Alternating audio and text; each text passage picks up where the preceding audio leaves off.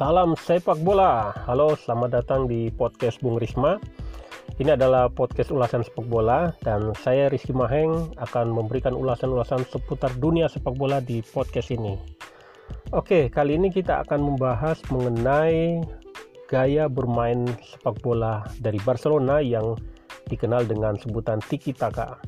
Nah, ada poin yang menarik dari pembahasan ini, yaitu terkait bagaimana Barcelona begitu konsisten untuk terus mempertahankan gaya sepak bola tiki taka mereka.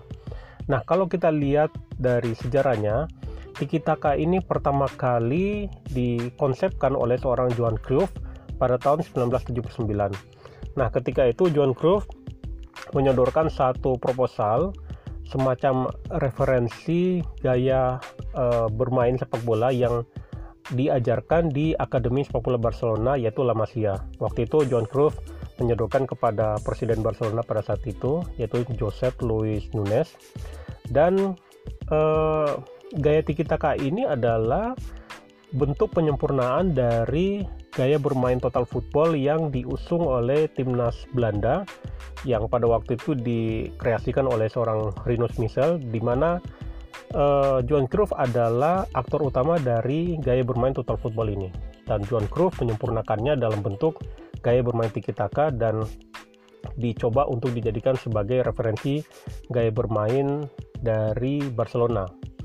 Nah, ketika disodorkan pada tahun 1979, Barcelona harus menunggu sampai tahun 91 untuk mendapatkan buah manis dari hasil uh, pengembangan gaya sepak bola tiki taka ini. Jadi ketika itu John Cruyff menjadi manajer Barcelona dan uh, hebatnya ketika itu John Cruyff membawa Barcelona menjadi juara Liga Spanyol 4 musim beruntun yaitu tahun 91, 92, 93 dan 94. Dan puncaknya adalah ketika uh, Barcelona menjadi juara Liga Champions, waktu itu namanya Piala Champions, untuk pertama kali pada tahun 92 dengan menaklukkan Sampdoria di partai final lewat gol tunggal Ronald Koeman. Nah, ini adalah salah satu catatan menarik bagaimana uh, Johan Cruyff berhasil menjadikan Tiki Taka sebagai senjata mematikan bagi Barcelona. Namun uh, Tiki Taka sendiri ternyata pernah ditaklukkan yaitu pada tahun 94 dalam final Piala Champion waktu itu Barcelona kalah telak 4-0 dari uh, AC Milan. Nah, di sini yang menarik adalah maaf.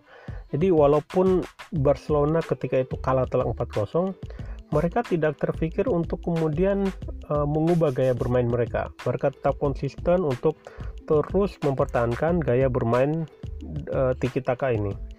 Dan uh, kita lihat bagaimana kelanjutan gaya sepak bola tiki taka ini pada uh, perjalanan dan sejarah Barcelona. Barcelona pada tahun 2009 uh, kemudian mempekerjakan seorang uh, lulusan La Masia yang notabene juga menyerap ilmu gaya sepak bola tiki taka. Uh, Barcelona mempekerjakan seorang Pep Guardiola yang juga adalah seorang murid kesayangan dari uh, Johan Cruyff. Dan kita bisa lihat hasilnya bagaimana Barcelona ketika itu begitu perkasa di musim pertama Pep Guardiola. Mereka menyabet semua uh, gelar yang dipertandingkan. Mereka juara Liga Champions, juara Liga Spanyol, juara Copa del Rey, sampai menjuarai Piala Dunia antar klub. Ini satu catatan satu catatan yang sangat-sangat luar biasa dan uh, sama halnya seperti uh, Barcelona era Johan Cruyff, gaya tiki taka ini pun pernah men mengalami kejatuhan. Kita ingat pada tahun 2010, Jose Mourinho bersama Inter Milan menaklukkan tiki taka Barcelona di partai semifinal Liga Champions. Kemudian pada tahun 2012 kembali uh, gaya tiki taka ditaklukkan kali ini oleh Roberto Di Matteo bersama Chelsea. Nah, dua kejatuhan gaya bermain tiki taka ini yang ditaklukkan oleh sepak bola defensif dari Jose Mourinho dan Roberto Di Matteo ternyata tidak uh, mengubah cara berpikir Barcelona terhadap gaya bermain sepak bola mereka. Mereka tetap bertahan dengan gaya sepak bola mereka dan kita bisa melihat uh, buah dari konsistensi ini adalah ketika Luis Enrique dipercaya untuk menangani Barcelona pada musim 2014-2015. Di musim pertamanya menangani Barcelona, Luis Enrique dengan tetap mempertahankan gaya tiki taka ini berhasil meraih triple winner, juara Liga Champions, juara Copa del Rey dan uh, juara Liga Spanyol. Waktu itu tentu kita masih ingat dengan trio Messi, Neymar, Suarez.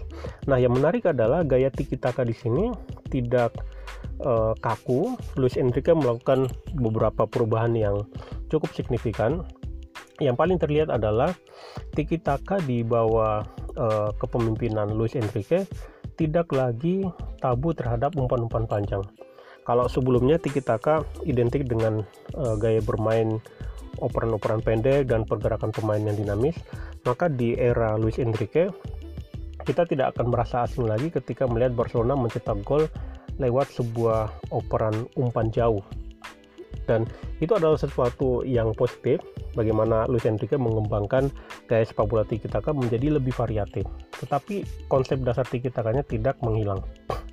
Nah, uh, poin positif yang bisa kita ambil dari konsistensi Barcelona ini adalah bagaimana konsistensi mereka untuk uh, bertahan pada gaya sepak bola mereka sendiri membuahkan banyak hasil-hasil positif kita lihat bagaimana gaya sepak bola tiki taka juga mempengaruhi uh, era kejayaan timnas Spanyol dari kurun waktu 2008 sampai 2012. Kita tahu timnas Spanyol di era tersebut menjuarai Piala Eropa 2008, menjuarai Piala Dunia 2010 dan kembali menjuarai Piala Eropa 2012.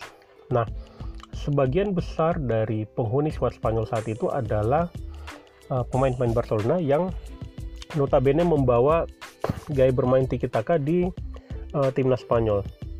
Dan bagaimana uh, Spanyol juga konsisten menerapkan gaya permainan tiki taka itu tergambarkan dari catatan sejarah bahwa Barcelona oh, mohon maaf timnas Spanyol walaupun mereka menjuarai Piala Eropa, Piala Dunia, tetapi mereka tidak pernah menjuarai Piala Konfederasi. Dan ketika mereka gagal menjuarai menjuarai Piala Konfederasi Apakah mereka kemudian meninggalkan uh, gaya sepak bola tiki takanya? Tidak. Mereka tetap bertahan dengan gaya sepak bola tersebut. Nah, ini adalah satu pelajaran penting dari uh, konsistensi Barcelona untuk uh, mempertahankan gaya sepak bola tiki takanya, yang kemudian berimbas ke uh, timnas Spanyol. Indonesia menurut saya perlu mencontoh uh, hal ini. Bagaimana Indonesia mencoba menemukan gaya permainan yang terbaik lalu kemudian konsisten dengan gaya permainan tersebut. Dan menurut saya sebenarnya di era Indra Safri bersama uh, generasi Evan Dimas sebenarnya sudah mulai terlihat uh, gaya sepak bola yang uh, sesuai untuk Indonesia. Gaya sepak bola dengan operan-operan uh, pendek dengan pergerakan pemain yang dinamis yang sebenarnya hampir mirip dengan Tiki Taka. Dan menurut saya itu seperti berjodoh ketika Luis Milla uh, memegang timnas Indonesia dengan uh, pendekatan gaya permainan yang hampir sama dengan Indra Safri, kita bisa lihat bagaimana permainan Indonesia begitu cantik, begitu ciamik, bahkan ketika kalah pun kita masih bisa berbangga diri karena permainan Indonesia begitu luar biasa.